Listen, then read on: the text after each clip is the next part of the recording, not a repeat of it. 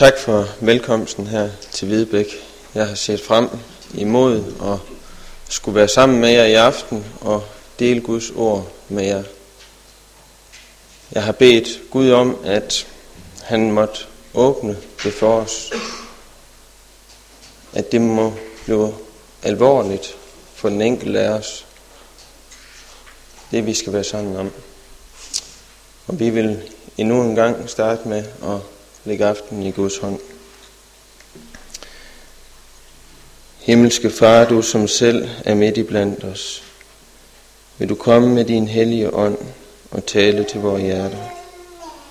Vil du gøre det levende for os, og vil du stanse os for dit budskab. Og far, hvis der er noget, der går imod os, vil du så også gøre os villige til at stille os ind under dit ord og bøje os for det og handle på det, så vi må bevare os i troen på dig og være redde til at møde dig, når du kommer igen. Amen. Som overskrift for i aften kunne vi godt sætte åndens bolig. Og det er også lidt ud fra, at det lige har været pinse. Vi skal være sammen om det emne. Og det skal vi være ud fra 1. Korintherbrev, et par vers i kapitel 3, og så nogle vers i kapitel 6. Inden vi læser vores tekst til i aften, så vil jeg godt sætte jer lidt ind i den sammenhæng, som øh, Korintherbrevet er skrevet i. Nogle gange er det nemmere at forstå ting, hvis vi forstår baggrunden og hvad det egentlig er. Det drejer sig om, hvorfor der skrives. Øh, Korinth er på Paulus' tid en af Romerigets vigtigste provinsbyer. Der bor omkring en halv million mennesker. Paulus kommer der første gang i år 50, og så er han der i halvandet år i Korinth. Så rejser han derfra og er væk halvandet år eller sådan noget. Så kommer han tilbage til Grækenland, og det regner man med, at det nok hovedsageligt er på grund af menigheden i Korinth. I Korinth der er det nemlig opstået problemer, siden Paulus han har været der sidst. Der er kommet splittelser ind imellem brødrene i menigheden. Så lever man i et åbent forhold til utugt. Og så er man kommet i tvivl om, hvorvidt Paulus egentlig overhovedet er apostel. Så er Paulus der en tid, og så rejser han derfra. Så skriver Paulus et brev til dem i Korinth, som vi ikke har fået bevaret, men som er gået tabt. Så svarer menigheden i Korinth på det brev. Og her skriver de nogenlunde noget om til Paulus. Vi ved ikke, hvad de skriver, men noget om, at han ikke skal blande sig for meget i deres forhold.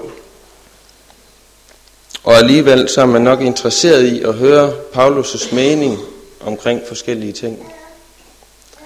Korintherbrevet er svaret til menigheden på deres brev til ham.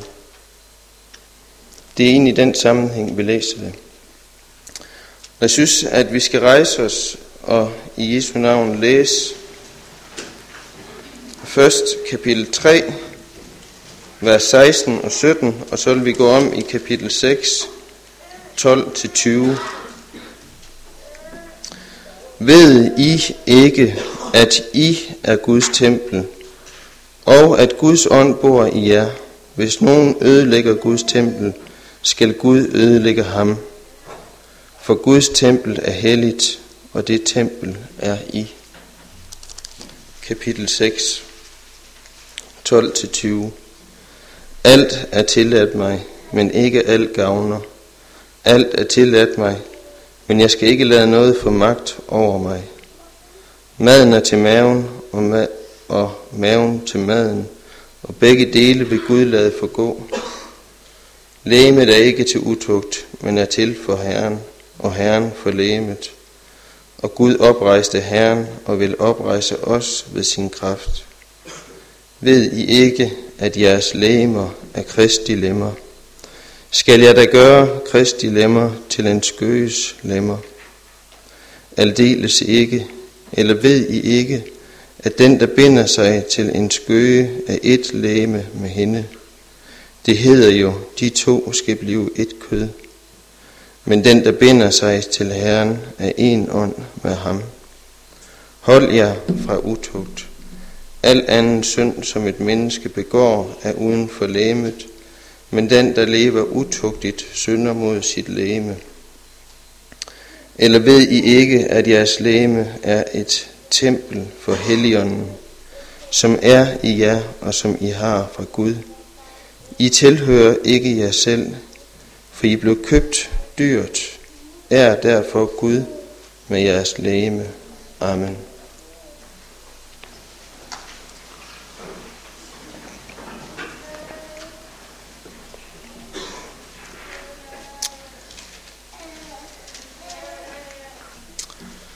I kapitel 3 læser vi, ved I ikke. Det er et vers, jeg egentlig tit har været inde omkring for min egen del. Jeg har altid læst det, som om, at det talte til mig. Det taler også til mig, men det Paulus han taler om her, når han siger, ved I ikke, det er menigheden. Det er jer, der er et tempel for Guds ånd. Det er ikke mig som enkeltperson her, det er menigheden. Ved I ikke? Prøv en gang at se, om du kan blive stille for den her tanke. Du er en bolig for Helligånden. Eller undskyld, ikke du, men I er en bolighed. I som fællesskab er en bolig for Helligånden. Prøv dernæst at se, om du kan blive stille for, hvem det er, du er en bolig for. Guds ånd, og her skriver vi ånd med stort. Han er en person. Han er en del af treenigheden. Han er samtidig en og samtidig tre. Du kan ikke skille det ad. Det er Gud, der selv vil bo hos jer. Ved I ikke, at I er Guds tempel? Har I tænkt over det på den måde? I er en bolig for Guds ånd. I som fællesskab. Skal du rigtig forstå, hvad det her det egentlig indebærer, så skal vi prøve at gå om i 1. kongebog, kapitel 8, og læse vers 10. Der læser vi om, da Salomo han har bygget det store tempel til Gud, og det skal indvies. Så står der, da præsterne gik ud af helligdommen, fyldte skyen Herrens tempel. Præsterne kunne ikke forrette tjenesten på grund af skyen, fordi Herrens herlighed fyldte Herrens tempel. Først da præsterne går ud af helligdommen, der sker det.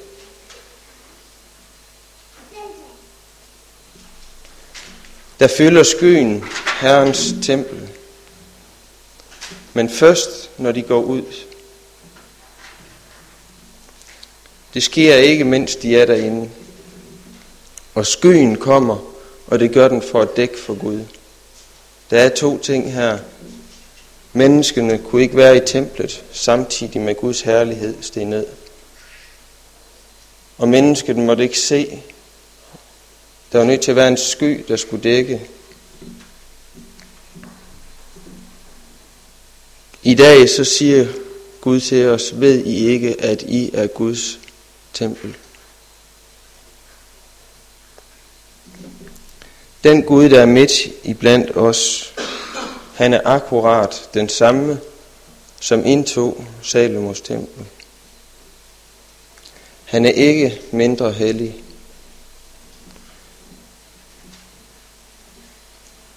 Men vi husker tilbage på det, vi læser, da Jesus døde på Golgata. Der flængedes forhænget til templet fra øverst til nederst. Der åbnede Gud vejen for mennesket lige ind til det allerhelligste. I dag er Guds ånd midt i blandt jer som fællesskab, og han siger til jer, at I er min bolig. Vi må ikke tænke småt omkring det med at tage afsted til møde og være en del af det fællesskab, hvor Guds herlighed bor.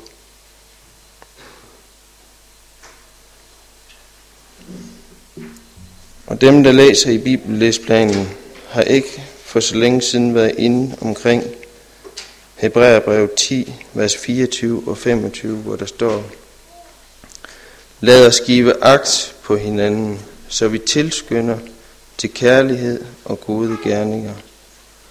Og så prøv at lægge mærke til, hvad der videre står. Og lad os ikke svigte vor egen forsamling.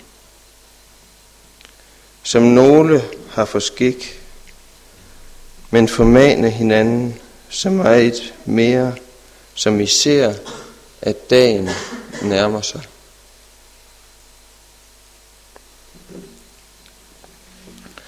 Så meget mere, som I ser, at dagen nærmer sig. Må vi formane hinanden til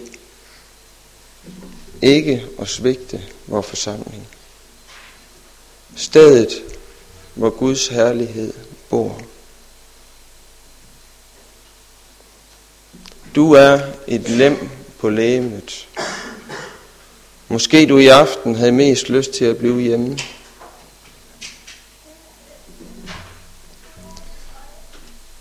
Du var måske så træt, at du tænkte, jeg får alligevel ikke noget ud af det i aften. Har du tænkt på, om du skulle tage afsted for din næste skyld? Benet kan ikke bare sige, jeg behøver ikke at gå nogen steder i aften. Det har jeg ikke behov for. Hvis kroppen gerne vil noget andet, så har det brug for benet. Du er et lem på lægemet. Vær trofast i din forsamling.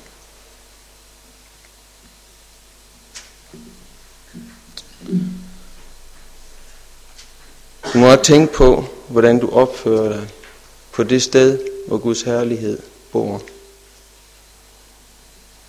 Havde du været på besøg hos dronningen, så havde du bestemt tænkt dig om, hvad du gjorde.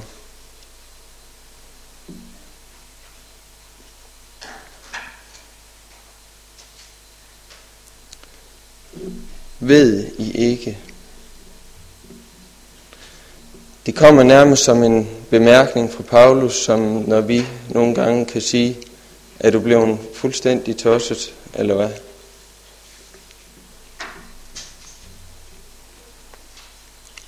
Der er sket et eller andet her i Korinth, som får Paulus til at minde dem om det her. Og svaret, det læser vi op i vers 3b og vers 4.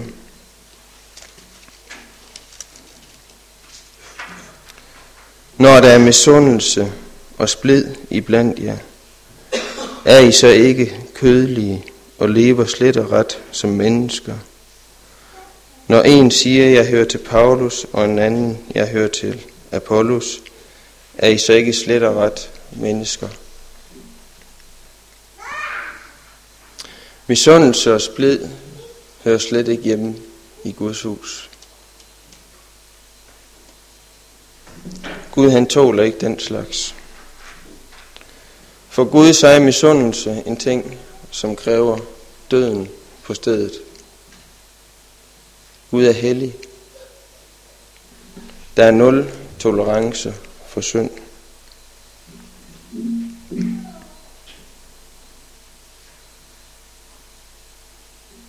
Når der er misundelse og splid i blandt jer, er I så ikke bare kødelige og lever slet og ret som mennesker? Det er næsten som om Paulus han siger, at den, der bringer den slags ting ind i hans hus. Han har slet ikke forstået, hvis hus det er, han går ind i. Og bringe splid og misundelse ind i menigheden. Er du klar over, at det er som at bringe ulven ind midt i forflokken? Det kommer til at blive farligt for dig selv, det her. Over forflokken vogter hyrden.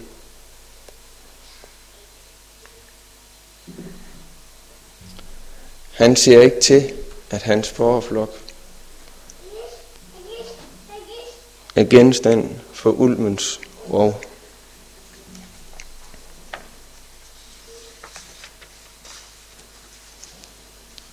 Og når jeg minder jer om det her, så er det fordi, at der står i vers 17, hvis nogen ødelægger Guds tempel, skal Gud ødelægge ham.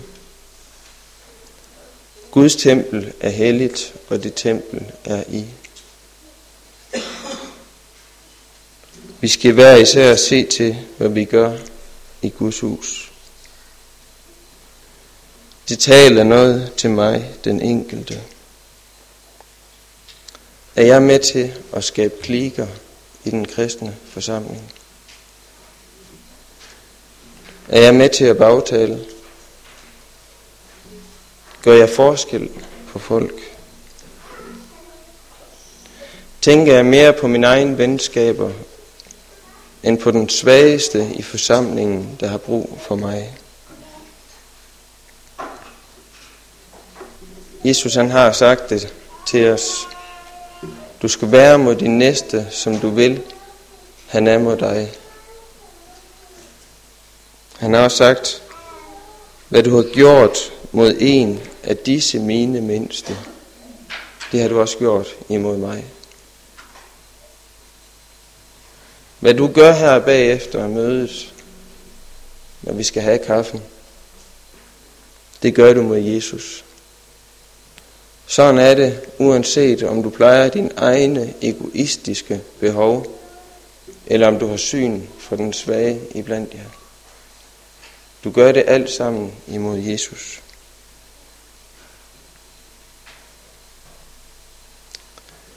Tilgiver I mennesker deres overtrædelser, så vil jeres himmelske far også tilgive jer.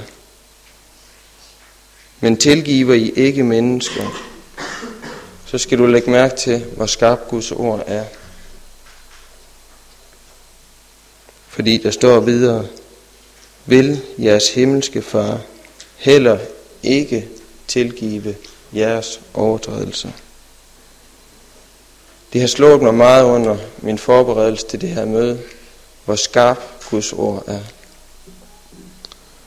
Guds ord er levende og skarpere end noget tvækket tvær. Hvis vi skal sige det her kort, så skal vi sige, du skal eje Jesus ind.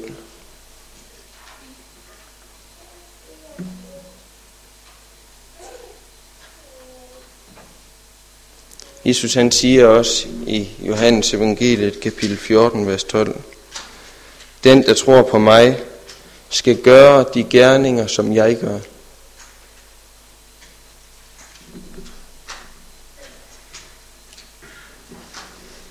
Til nu beder Guds ord mig om noget, som jeg ganske enkelt ikke er i stand til at gøre.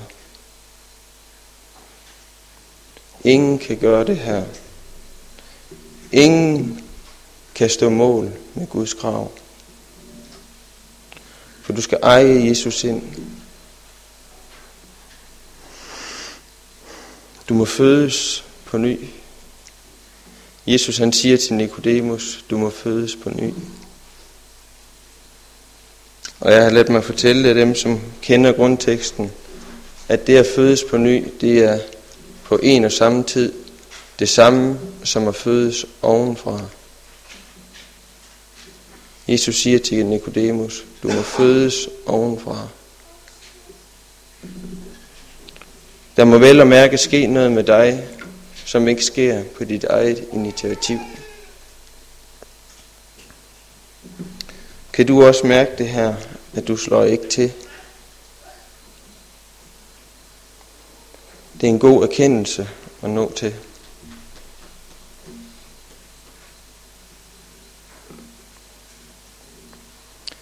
Det Jesus han beder dig om, det kan kun den, som ejer Guds ånd i hjertet.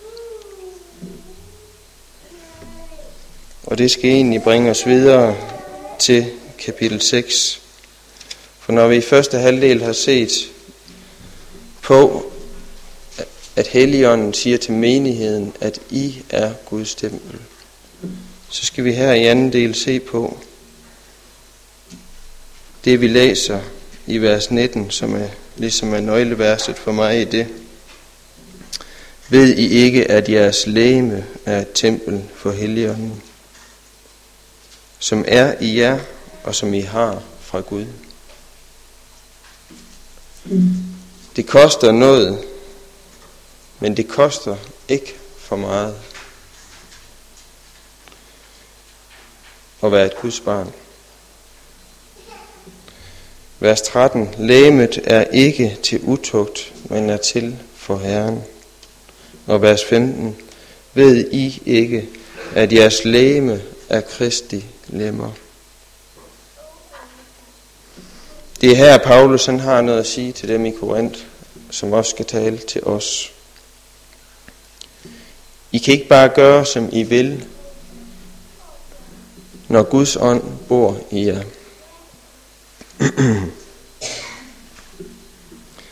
Og I kan slet ikke gøre, hvad jeg beder jer om, hvis ikke Guds ånd bor i jer.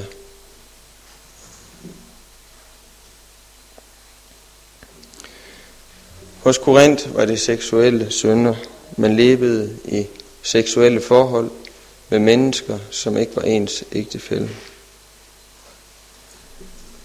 Det kan ikke lade sig gøre at gøre det, og samtidig have Guds ånd i hjertet.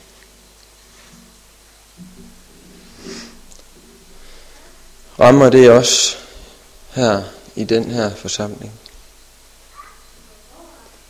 De fleste lever vel som de skal med deres ægtefæller, eller hvad?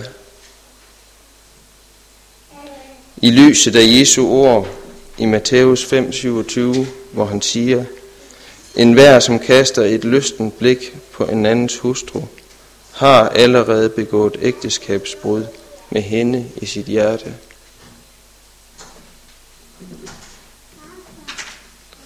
Lever du, som du skal, efter det her bud?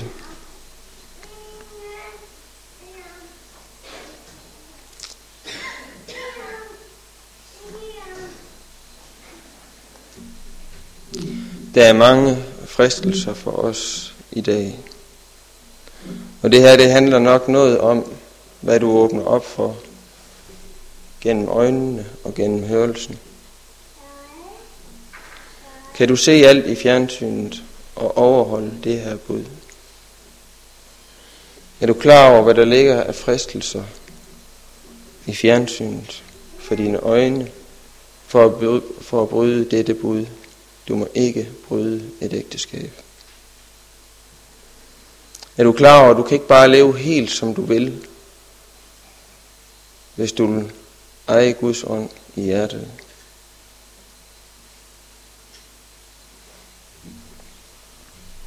Når du lever ud i synden, som du vil, så trækker du Guds ånd med ud i synden. Men Guds ånd lever ikke frit ud i synden, for Guds ånd er hellig. Har du ting i dit liv, som du ikke vil give afkald på,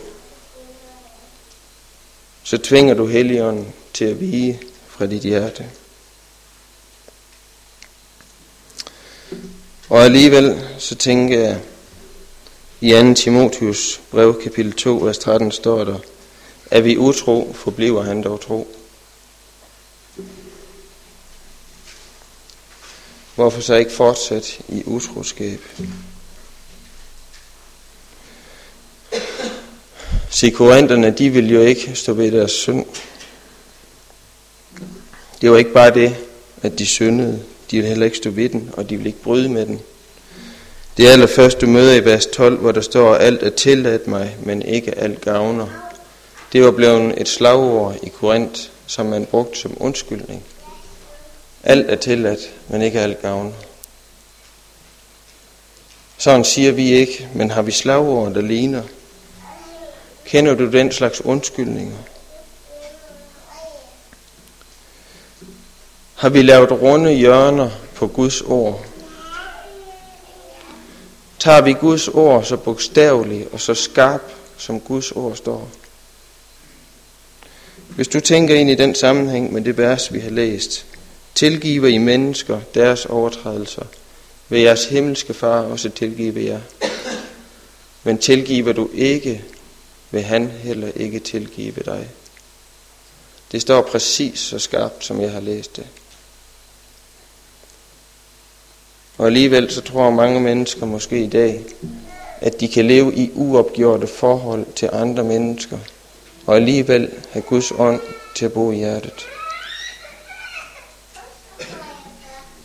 For Gud er nådig og barmhjertig.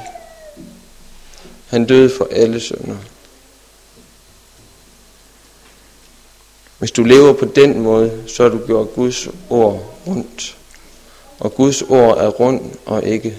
Guds ord er skarpt og ikke rundt. Hvis du lever med din fjernsyn og dit radio, helt akkurat som du vil, så har du gjort Guds ord rundt. For Gud han siger, at han hader utugt. Og det er det, Paulus han minder dem om her, at de ikke kan leve i. Ved I ikke, at I er kristi lemmer?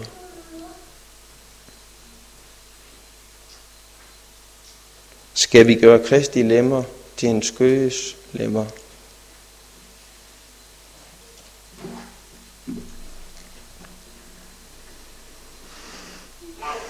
I 2. Timotheus brev, hvor der står, at vi utro, forbliver han dog tro. Der står der noget andet i linjen for inden. Der står, fornægter vi ham, vil han også fornægte os.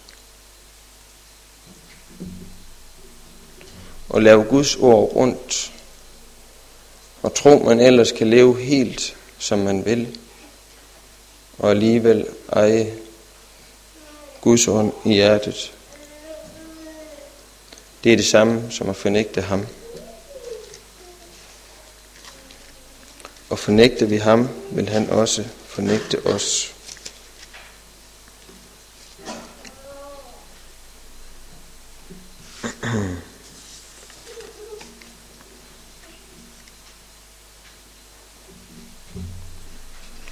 En kristen kan falde i synd, men han kan ikke leve i den.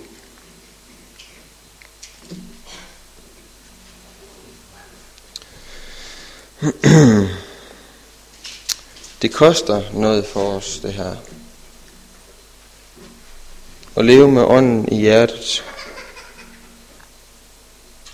Men jeg har godt lyst til at sige til jer, og det tror jeg også I ved, at den, der har prøvet at leve med Jesus, han ved, at det han mister, det er for intet at regne imod det han får. Man får det så godt sammen med Jesus. Det giver en fred, som verden ikke kan give. Og det kan du også sagtens mærke på dem, der lever med Jesus. Der er så noget helt særligt over den. Du behøver ikke at snakke om bibelske spørgsmål med dem. Bare det at være sammen med dem og snakke med dem, så kan du mærke Guds ånd. Jeg kender den slags mennesker. Jeg skal bare være sammen med dem, så bærer de vidnesbyrdet i sig selv. Men jeg vil godt bringe det som mit vidnesbyrd i aften. At jeg har mange ting, som jeg som Guds barn har måttet sige. Det der, det kan jeg ikke længere være med til. Jeg har ting i fjernsynet, jeg har sagt, det ser jeg ikke. Der er nogle radiokanaler, som jeg ikke åbner for. Og det har jeg lyst til at sige til jer unge. Der er mange radiokanaler, I ikke kan åbne for. Det er verdens ånd, og I vil blive præget af den.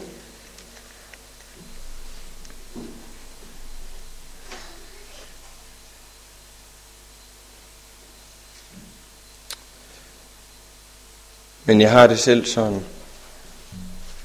Det er ikke savn for mig, det her længere. Og han måtte sige nej til de ting her. Jeg kan sagtens fristes af det. Det er ikke det, jeg står og siger.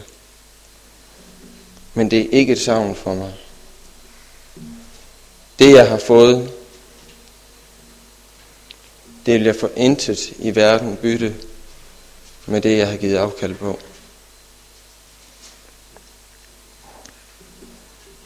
Hvad har jeg fået? Jeg har fået Guds ånd i hjertet. Der er noget, der er helt fantastisk ved det, at have Guds ånd i hjertet. Og det er det,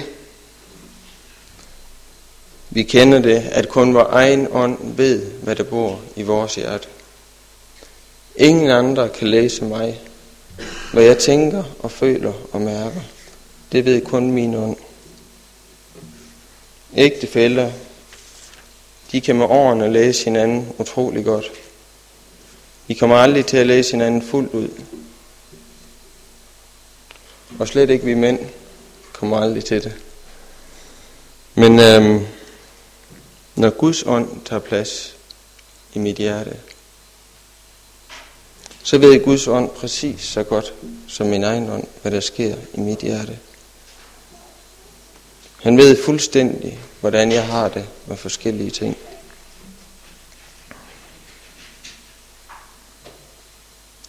Og Guds ånd er en ånd, som vil mig det bedste. Guds ånd er en del af den treenighed, der har sagt, jeg har al magt i himmel og på jord. Og det her, det kommer den, som tør åbne for Guds ånd. Han kommer til at erfare det her.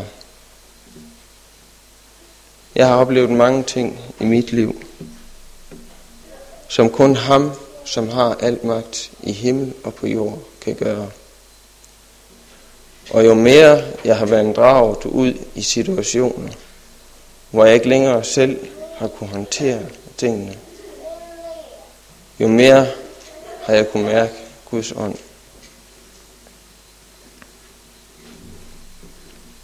Mit liv er ikke længere overladt til tilfældigheder. Min ånd mod verdens ånd, den er intet. Og der kan jeg kastes i øst og vest. Men når Guds ånd indtager mit hjerte, så kastes jeg ikke i øst og vest. Så styrer Guds ånd mit liv.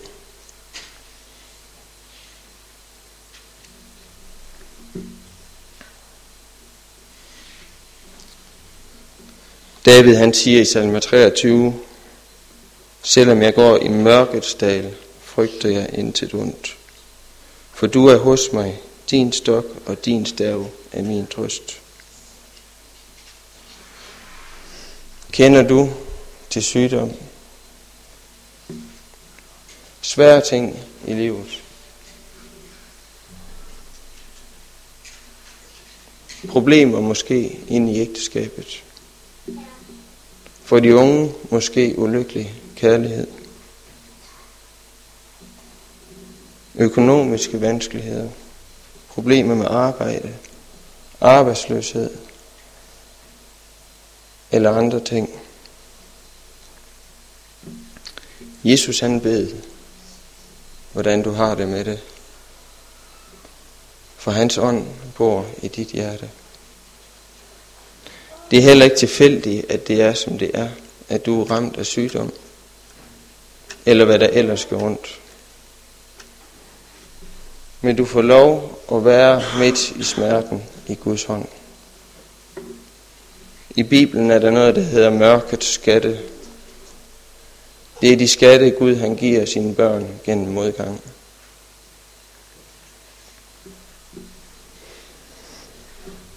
Da jeg for nogle år siden fik konstateret sukkersyge, så synes jeg ikke, at det gjorde bare slet ingenting, for jeg var et Guds barn.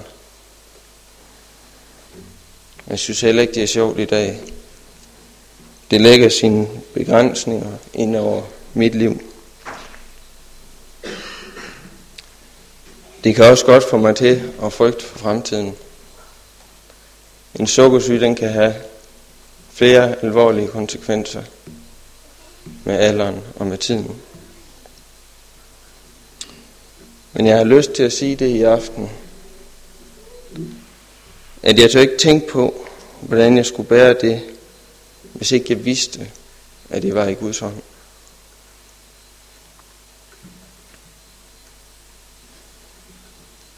Det kan godt ske, at jeg med alderen mister synet. Men det gør jeg kun, hvis Guds hånd tillader det. Og hvis Guds ånd tillader det, så er jeg fuldstændig rask i morgen. Selvom det er en uhelbredelig sygdom. Jeg kastes ikke længere i øst og vest. For jeg er i Guds hånd, og Guds ånd bor i mit hjerte. Men det er det, som jeg bare gerne vil lægge, rygt, lægge røst til i aften. At du må give plads for Guds ånd i dit hjerte. Lever du helt som du vil ud i synden? Der, der vil jeg sige, der får du aldrig trukket Guds ånd med ud.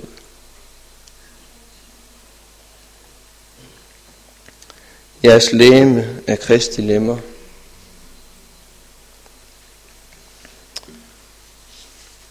Og jeg har en overskrift, der hedder Kristi lemmer skal bruges til mission. Kristi lemmer skal bruges til mission. Og det skal de med evigheden for øje. Du har mennesker omkring dig, som går den evige fortabelse i møde. Og de kristne er de, tro, er de ikke troendes Bibel. De ikke troende går ikke til Bibelen og møder Gud der. De skal møde ham gennem dig. Og så er der mange måder at drive mission på, og der er mange ting, vi kan gøre. og det er godt alt sammen. Men vi forstår måske noget ud fra det her om, hvad det vil sige at drive mission. Du skal have Guds ånd i hjertet, og han skal have lov at råde der. Så sker der det, at når du møder din næste, så møder han Guds ånd. Det kan slet ikke undgås. Så kan vi stå på hovedet og hale med alle mulige arrangementer, og det kan være godt, hvis vi er dreven af Guds ånd. Men det allervigtigste i missionen, det er, at du er dreven af Guds ånd. Så kan de ikke undgå at møde ham, når de møder dig. Og jeg har sådan et citat af Øyvind Andersen, som, Øyvind Andersen, en gammel norsk afdød prædikant, som har brændt sig fast hos mig selv. Gud velsigner ikke det, vi tror, vi kan gøre for ham, men kun det, som han får lov at bruge os til. Gud velsigner ikke det, du tror, at du kan gøre for ham, men kun det, som han får lov at drive dig til. Hvem uddelegerer arbejdsopgaver? Er det mester eller tjener? Det er mesteren, der siger til tjeneren, hvad han skal gøre. Sådan er det også, når vi driver mission. Og jeg skal runde af for i aften, og det vil jeg gøre her til slut. Med at sige noget om, når vi har været inde på, omkring de her ting. Med at have Guds ånd i hjertet. Og med at komme i menigheden, som er åndens bolig og opføre os over for vores næste, som Jesus ville have opført os. Så kan det meget vel ske det, at jeg ser på mig selv og siger, kan Guds ånd bo i mig? Jeg ser så lidt af Guds ånd i mig. Kan jeg overhovedet komme i de kristnes fællesskab, hvis jeg overhovedet ikke må bringe splid, misundelse og alt muligt andet ind i Guds hus?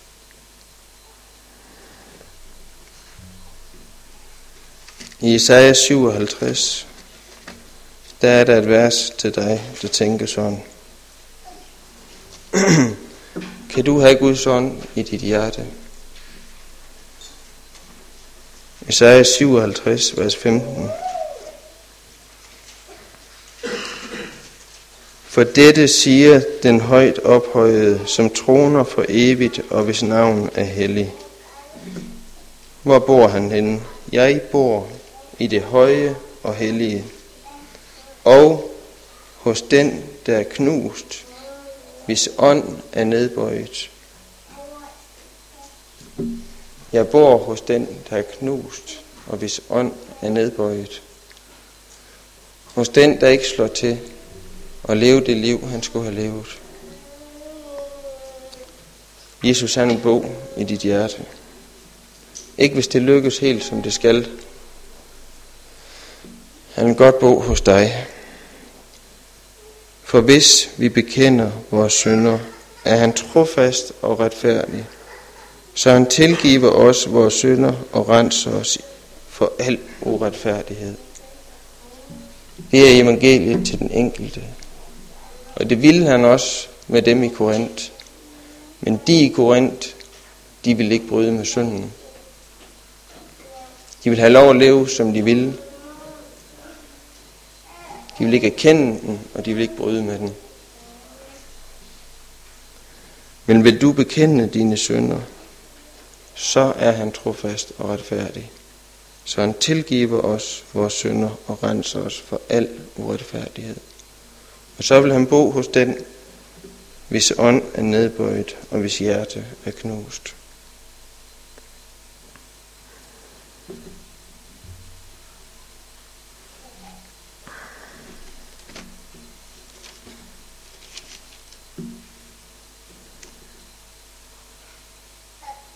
I blev købt dyrt, er derfor Gud med jeres læme, fordi I blev købt så dyrt. Amen. Himmelske Far, vi beder dig om, at det her, det må få lov at stanse os, den enkelte. At du vil bo hos os som menighed, som fællesskab at det er en stor og mægtig ting, at vi kan få lov at komme her og høre dit ord. Vi beder dig om, at du giver os trofasthed, og husker, at vi er der også for de andres skyld. Og vi beder dig om, at du vil give os det rette sind over for hinanden. At vi må være optaget af at tjene de andre og ikke tjene os selv. Så beder vi dig om, at vi må få lov at blev stanset for det, at du også ved din hellige ånd vil bo i vores hjerte. Og at vi må få lov at være et tempel for dig. Tak for det, og tak, at det er en stor ting. Vi beder dig om, at nogen af os ikke må drages ud i synden og leve i den, så du må forlade os, og vi glipper det evige mål. Hjælp betro os til dig med alle ting, i Jesu navn. Amen.